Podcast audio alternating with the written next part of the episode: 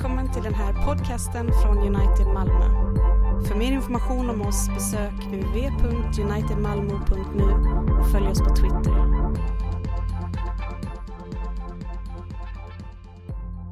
Låt oss förbli stående när vi lyssnar på dagens predikotext. Den är från Matteus 27, vers 26 till 46. Då frigav han Barabbas, men Jesus lät han gissla och utlämnade honom till att korsfästas. Därefter tog, han, tog landshövdingens soldater Jesus med sig in i pretoriet och samlade hela vaktstyrkan kring honom. De tog av honom kläderna och klädde honom i en röd mantel, vred ihop en krona av törne och satte den på hans huvud. Och i hans högra hand satte de en käpp. Sedan böjde de knä inför honom och hånade honom och sa, leve judarnas konung. Och de spottade på honom och tog käppen och slog honom i huvudet. När de hade hånat honom tog de av honom manteln och satte på honom hans egna kläder och förde bort honom till att korsfästas. På vägen ut fann de en man, Simon från Syrene. Honom tvingade de att bära, bära hans kors. Och när de kom till den plats som kallas Golgata, det betyder huvudskalleplats, gav de honom vin att dricka blandat med galla. Han smakade på det men ville inte dricka. När de hade korsfäst honom delade de hans kläder mellan sig och kastade lott om dem. Sedan satt de där och vaktade honom. Över hans huvud hade man satt upp anklagelsen mot honom. Där stod skrivet, detta är Jesus, judarnas konung. Tillsammans med honom korsfästes två rövare, den ene på högra sidan och den andra på vänstra. De som gick förbi smädade honom och skakade på huvudet och sa, du som bryter ner templet och bygger upp det på tre dagar, hjälp dig själv om du är Guds son och stig ner från korset. Också översteprästerna och de skriftlärda och de äldste gjorde narr av honom och sa, andra har han hjälpt, sig själv kan han inte hjälpa. Han är Israels konung. Han må nu stiga ner från korset så vi ska tro på honom. Han litar på Gud, nu får Gud rädda honom om han har honom kär. Han har ju sagt, jag är Guds son. På samma sätt blev han också hånad av rövarna som var korsfästa tillsammans med honom. Vid sjätte timmen kom över hela landet ett mörker som varade ända till nionde timmen. Och vid nionde timmen ropade Jesus med hög röst, Eli, Eli, lemi sabachthani. Det betyder, min Gud, min Gud, varför har du övergivit mig? Detta är Guds ord till oss. Vi är inne på andra delen, eh, andra artikeln i eh, vår trosbekännelse, den apostoliska trosbekännelsen. Och vi ska tala om led under Pontus Pilatus korsfästes, dog och begravdes. Det är predikan idag. Jesus led, dog. Vad betyder det för oss? Vad betyder det att Jesus dog, led för oss? Och när vi får höra om Jesus lidande så går vi direkt till korset. Alltså vi hamnar där, vi hamnar vid korset. Och korset det är en symbol som står för otroligt mycket. Det är otroligt laddat. Vad står det för och vad betyder det för oss? Utöver att eh, jag är pastor här, en av pastorerna, så är jag också konstnär och utbildar unga eh, att, eh, och lite äldre att, att bli duktiga konstnärer. Och jag har förbjudit dem att använda sig av symboler. För att det är alldeles för enkelt. Därför att de är så laddade med tydliga budskap. Det är en enkel väg att göra ett hjärta eh, med glitter på, eh, eller peace-tecken, peace-märket, för det är laddat med, med tydliga eh, budskap kring den här symbolen och, och smileys och så vidare. Så jag har förbjudit eh, hjärtan och glitter eh, eh, för mina elever och det är för mitt eget bästa och för deras bästa. Och, och, när vi kommer till korset så är det otroligt laddat. Korset är ett laddat tecken. Men det kan betyda olika saker för oss, eller hur? Det kan betyda väldigt många olika saker. För en del så, så är det bara en religiös symbol, någonting som är långt borta från ens verklighet, ens vardag, ens, ens liv. Och för många så är det en, en symbol som faktiskt talar om räddning, försoning, hopp, förlåtelse. För många så, så är korset otroligt provocerande. Jag skulle säga för alla så är korset provocerande. Varför? Därför att det direkt konfronterar oss med vår synd. Vi möter vår synd när vi ser korset. Vi kan inte fly från det. Vi, vi, vi ser vårt syndfulla tillstånd, vår benägenhet att synda. Det vet vi alla om, att vi är syndare. Men ibland så försöker vi glömma det där eller gömma det där. Men vi möter vår synd när vi ser korset och det är oerhört provocerande. Och vi förstår alla att, att det är saker som inte är rätt med oss.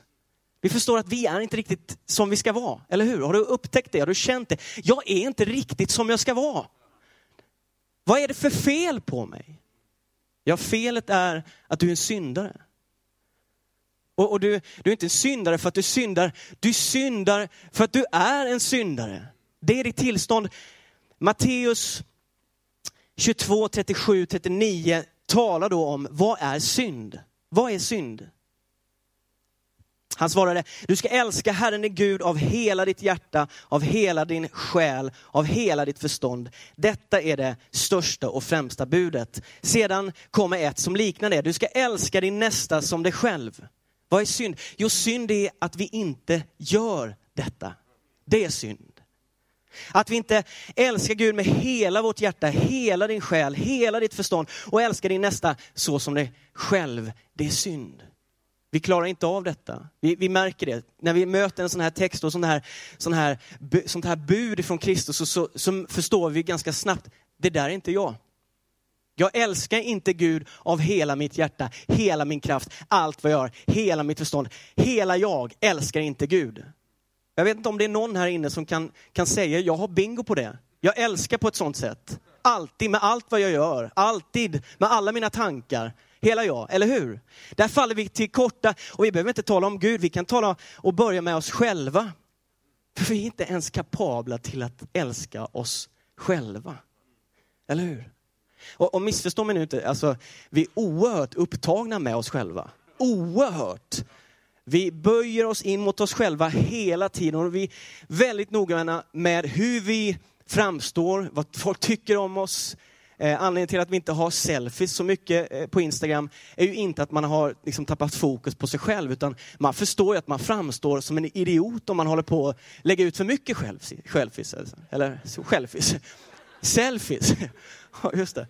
Eller hur? Så det, det, det, har inte skett ett skifte här, utan nej, det, det, det är samma, samma gamla historia. Vi är upptagna med oss själva.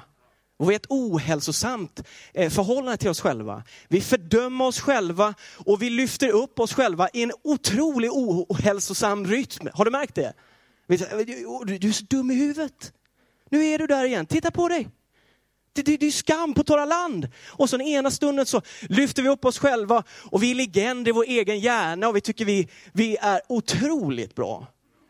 Tills vi börjar liksom resonera med folk och, och säga det vi tänker på, då förstår vi igen att du är dum i huvudet. Vad håller du på med?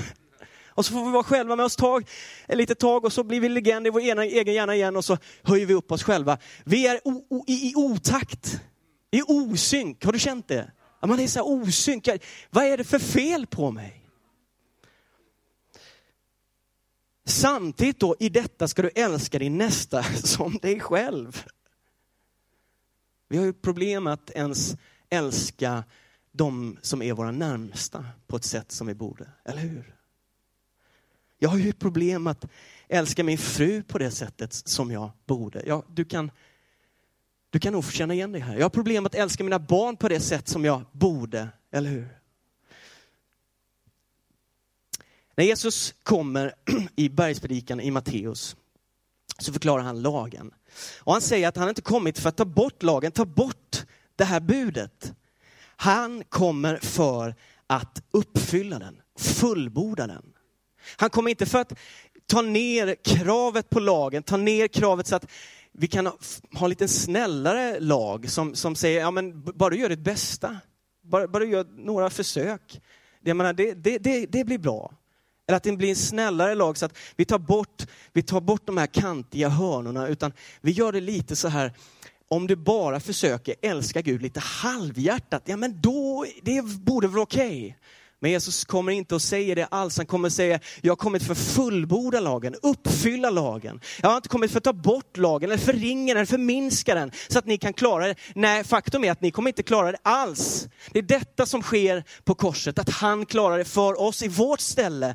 Hans liv är att han klarar det för oss i, i vårt ställe. Lyssna på vad han säger.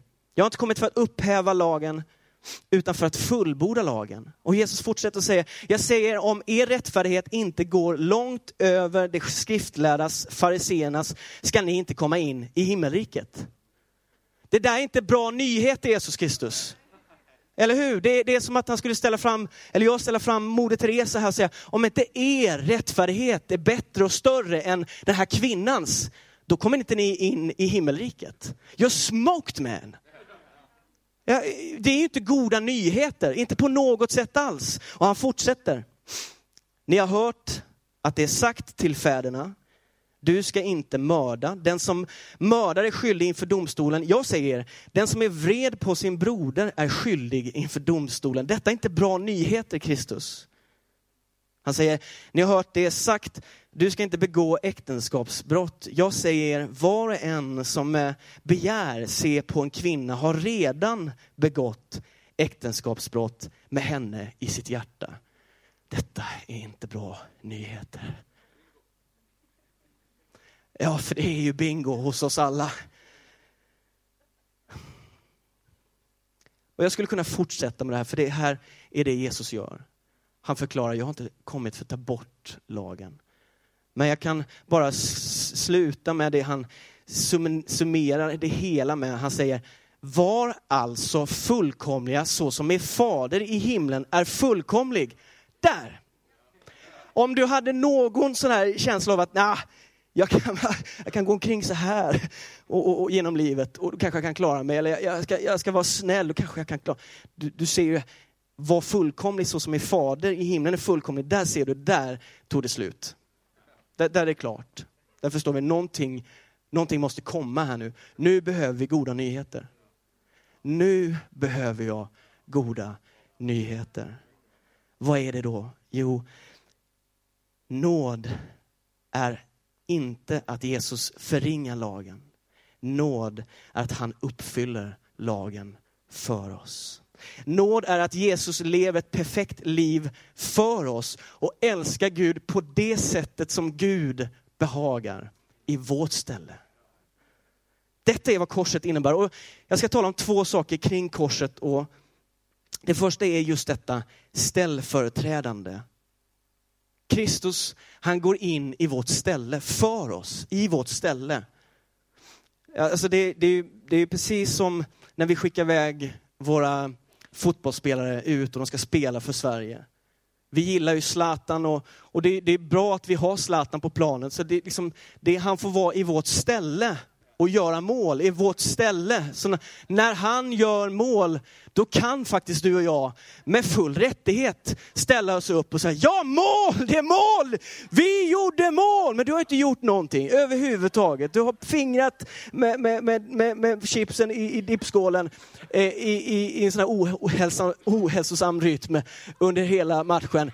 Och, och, men du kan ändå säga, det är mål! Vi gjorde mål! Eller hur? För det är liksom jättedumt om, om vi skulle skicka nio miljoner eh, på planen, svenskar. passa mig, passa mig, passa mig, passa mig, passa mig.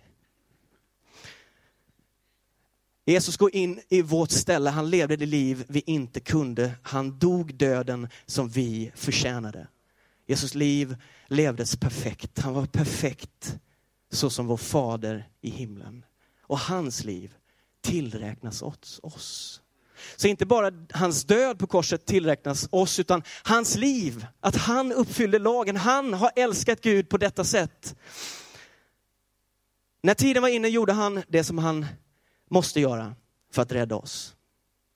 Han har nu levt sitt liv på jorden i 30 år ungefär och nu är tiden inne. Han ska gå upp på korset, lida och dö i vårt ställe. Och vi ser Matteus, när Jesus är på väg till korset så, så finns det en person som verkar avbryta berättelsen. Som stör berättelsen. Hans namn är Barabbas. Och vi, vi vet inte så mycket om honom förutom att han är en rebell, en mördare, en tjuv. Och vid högtiden så brukade landshövdingen frige en fånge, en som de själva önskade. Just då hade man en beryktad fånge som hette Barabbas. När de nu var samlade frågade Pilatus dem, vem vill ni att jag ska frige? Barabbas eller Jesus som kallas Messias? Vad, vad, vad händer? Vad är det som händer här? Vad, vad händer? Hur, hur kan du placera Jesus Kristus, son till den levande guden, tillsammans med den här mördaren, den här rebellen, den här syndaren? Hur kan de stå på, på samma, samma scen? Och hur kan de överhuvudtaget jämföras? När man läser det här så tycker man att det här gått för långt. Barabbas, han är rättmätig fånge, en man som förtjänar att bli korsfäst. Jesus. Vad, vad har Jesus gjort? Vad är det han har gjort mer än att hela sjuka, befria och ge kärlek och inget men utan kärlek? Bara kärlek, nåd, förlåtelse. Frågan är, vem vill ni ha? Vem vill ni ha? Barabbas. Vi vill ha Barabbas. Vi tar Barabbas. Och där står Jesus Kristus tyst. Han låter detta ske. Varför? Därför han vet Faderns vilja. Vad är Faderns vilja? Det är att frige Barabbas. Det är att Jesus får ta Barabbas ställe istället. Så att Barabbas kan gå fri. Jesus behövde bli behandlad som Barabbas så att Barabbas kunde bli behandlad som Jesus. Varför är den här historien med i evangeliet? Varför finns den där? Varför avbryter den vägen upp till korset? Varför, varför finns den med överhuvudtaget? Därför du och jag är Barabbas. Du och jag är Barabbas. Vi borde vara de som, som, som får möta korset, smärtan, döden. Du och jag förtjänar det. Inte Kristus, inte Jesus. Men Gud, han får behandla Kristus som dig.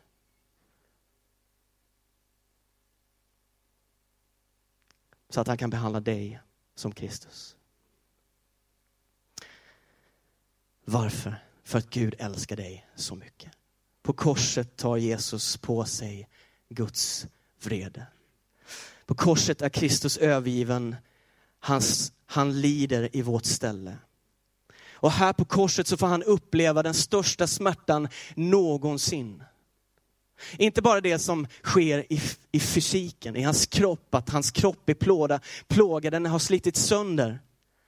Utan den största smärtan är detta. Att Gud överger honom. Att Gud överger honom. Du är den som skulle förtjänat detta Guds övergivande. Han dör inte en, en död i majestätisk triumf. Han är övergiven, förmjukad, naken, ensam. Men den största smärtan är trots allt inte detta, utan det är när vi hör han ropa från korset. Eli, Eli, lema shabaktani. Och det betyder, min Gud, min Gud, varför har du övergivit mig? Han gör detta i vårt ställe. Han tar vår plats. Han blir övergiven av Gud, så Gud ska kunna säga till dig, jag kommer aldrig att överge dig eller lämna dig. Därför blev Kristus övergiven på korset i vårt ställe. Det här är evangelium, precis just här. Det här är nåd över alla gränser. Det här är nåd över allt förnuft. Jesus är den enda personen som inte har förtjänat dö. Men han dog i vårt ställe. Romarbrevet. Han som utlämnades för våra synders skull och uppväcktes för vår rättfärdiggörelses skull. Korinthierbrevet. Jag meddelar er det allra viktigaste, vad jag själv hade tagit emot, att Kristus dog för våra synder enligt skrifterna, Galaterbrevet, som offrade sig för våra synder för att rädda oss ur den nuvarande onda tidsåldern efter vår Guds faders vilja. Petrusbrevet. Och våra synder bar han i sin kropp upp på korsets trä för att vi skulle dö bort från synderna och leva för rättfärdigheten. Och genom hans sår har ni blivit botade. Petrusbrevet fort, fortsätter, så led också Kristus en gång för våra synder. Rättfärdig led han i det orättfärdigas ställe för att föra oss till Gud. Han blev dödad till köttet men levande jord genom anden. Jesaja 53. Han var genomborrad för våra överträdelses skull, slagen för våra missgärningars skull. Straffet var lagt på honom för att vi skulle få frid och genom hans sår är vi helade. Det är det som sker på korset. Kristus dör i vårt ställe. Men folk kan säga att ja, men det, ja, absolut nåd, jag fattar den här grejen att det, det, någonting behöver göras upp här, någonting behöver fixas, men, men menar, vi måste ju ta tur med synden. Ja? Vi, måste ju, vi måste ju stena kvinnan. Hon, hon har synd, vi måste ta tur med synd, synd måste vi ta, ja synd har blivit itutagen med. En gång för alla på korset. Ja, men vi måste ju ta, må, vi måste ju ta, ta, ta tag i det här med synd. Absolut. Ta upp stenen, du som är utan synd, och kasta den första stenen. Och vi hör stenarna, våra stenar, falla tungt till marken. Och vi hör Kristus säger, gå, inte heller jag dömer dig. Det är inte frågan om människor syndar, det är ett faktum. Det händer hela tiden. Ditt och mitt liv är ett enda stort bevis på att synd existerar. Det är inte billig nåd, utan det är väldigt dyrbar nåd. Den kostade allt. Allt! För att betala allt. Hela din synd. Bakåt, de som finns nu och de synder som kommer komma. Allt. Allt är betalt på korset. Vi förtjänar att dö för våra synder. Synden i våra liv går så djupt, den väger så tungt i våra liv. Vi är födda i synd. Varje sak vi gör, varje tanke vi gör är befläckad av synd. Till och med våra goda gärningar är befläckade med synd. Nej, vi gillar inte att lyssna på detta. Vi vill inte lyssna på detta. Vi tycker inte om att ta tur med vår egen skuld. Och speciellt inte i vår generation, vår postmoderna tidsålder som försöker täcka över och försöker, försöker gömma skuld och skam och man försöker bota det med relativism eller någonting annat så att vi kan, vi kan stå gömda och täcka oss själva med den, den, den skuld och skam som vi har i våra liv. Men hur mycket vi än försöker gömma vår skuld, hur mycket vi än försöker att fly, så är det någonting som ropar på insidan av oss. Vad är det som är fel? Vad är det som är fel? Vad är, det som är, vad är det som är fel på mig? Vad är det som är fel med min fru? Vad är det som är fel med min man? Vad är det som är fel med mina barn? Vad är det som är fel med mina vänner? Vad är det som är fel på den här världen? Vad är det för fel?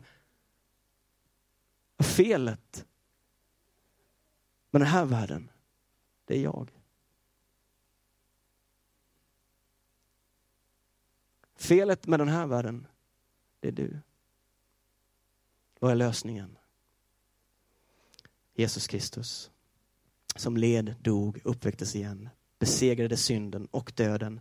I honom har vi lösningen på våra synder. Genom Kristi blod är priset betalt. Det är detta som sker på korset och det är den andra saken. Det är försoning på korset. Priset blir betalt. Kristus var det perfekta offret och försoningen för våra synder. Kristus räddar oss på korset. Han betalar det fulla priset av vår skuld, av vår synd. Det är precis som, som, eh, precis som kan jag inte säga, men det här är en bild. När jag går och köper mig ett par jeans. Jag går och köper mig ett par jeans, jag tittar ut ett par jeans. Och, och de jeans som, som står i min uppmärksamhet kan ju säga, om jeans nu skulle kunna tala, så kan de säga, Jag vill inte sitta på den där lönnfeta medelålderskroppen. Jag, jag vill hellre sitta på, på Andreas Almlövs kropp som, som verkar vara skapt för skinny jeans. Men jag vill inte hamna på Lindstedts bak. Men, men nu talar vi inte jeans, men, men om det skulle vara så. Men när jag väl har köpt de här jeansen och betalt den exakta summan för de här jeansen, då är de mina. Och det finns ingenting som kan ändra på det. De är köpta med mina dyrt förvärvade pengar. De är mina och de ska på mig. De där tajta jeansen ska på mig.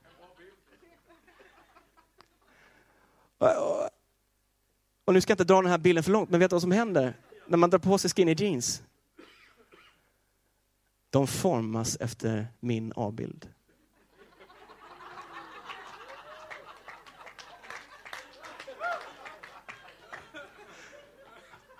Vi ska inte ta den här bilden längre. På tal om trosbekännelse. Men vad jag vill säga med det är att du är köpt. Det fulla priset är betalt för dig. Det, det är inte ett, det är inte ett, ett erbjudande som, som du bara ska acceptera eller ett, ta emot. Det är ett krav ifrån korset som säger, du är min och jag har betalt för dig. Du tillhör mig. Jag har köpt dig och du är min. Och i detta, när vi möter evangelium och korset som predikar till oss, jag har köpt dig, jag har förlåtit dig, så väcks tron i våra hjärtan och vi formas till Kristus likhet.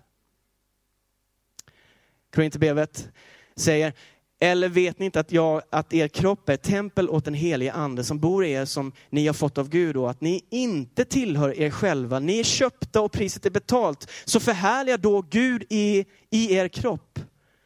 Romarbrevet, ty ingen av oss lever för sig själv och ingen dör för sig själv. Lever vi så lever vi för Herren, dör vi så dör vi för Herren. Vare sig vi lever eller dör så tillhör vi alltså Herren, ty Kristus har dött och fått liv igen för att han skulle vara Herre över både levande och döda. Korinthierbrevet, men själva tillhör ni Kristus och Kristus tillhör Gud. Titus, han har offrat sig för, själv för oss för att friköpa oss från all laglöshet och rena åt sig ett egendomsfolk som är uppfyllt av iver att göra goda gärningar. Du tillhör inte dig själv. Du tillhör Kristus. För dig som har mött tron, du är friköpt. Du tillhör inte dig själv längre. Han led och dog i ditt ställe och han gjorde det som du inte kunde göra. Han tog sig an döden och tog tu med den för all evig tid. Lovsångarna kan komma upp och göra sig redo. I detta står vi inför en otrolig utmaning när vi möter det här. Att vi inte tillhör oss själva utan vi är friköpta. För vi brottas och slits med en sån sanning. Vadå? Jag vill ju tillhöra mig själv. Jag vill ju bestämma själv. Och vi går inte så speciellt långt förbi det stadiet som barn, när man säger kan själv. Och mamma och pappa står där. Du kan ju inte själv. Jag kan själv. Ja, men du kan inte själv. Jag skulle önska att du kunde just nu, men du kan inte det. Jag kan själv. Jag vill bestämma själv.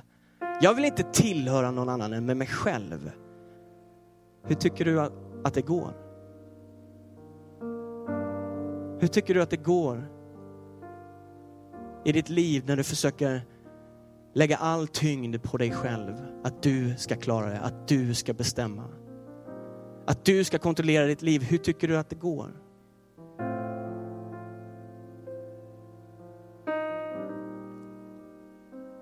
Vill du verkligen det. Eller tänk om du istället skulle kasta dig i armarna på vår himmelske fader som har köpt dig genom Jesus Kristus dyrbara blod. Min uppmaning till dig här idag är spring till korset. Spring till korset. Ge upp. Fall in i hans nådefulla armar. Spring till korset. Knäböj och se din frälsare. Se han som dog, led i ditt ställe och som uppstod för oss.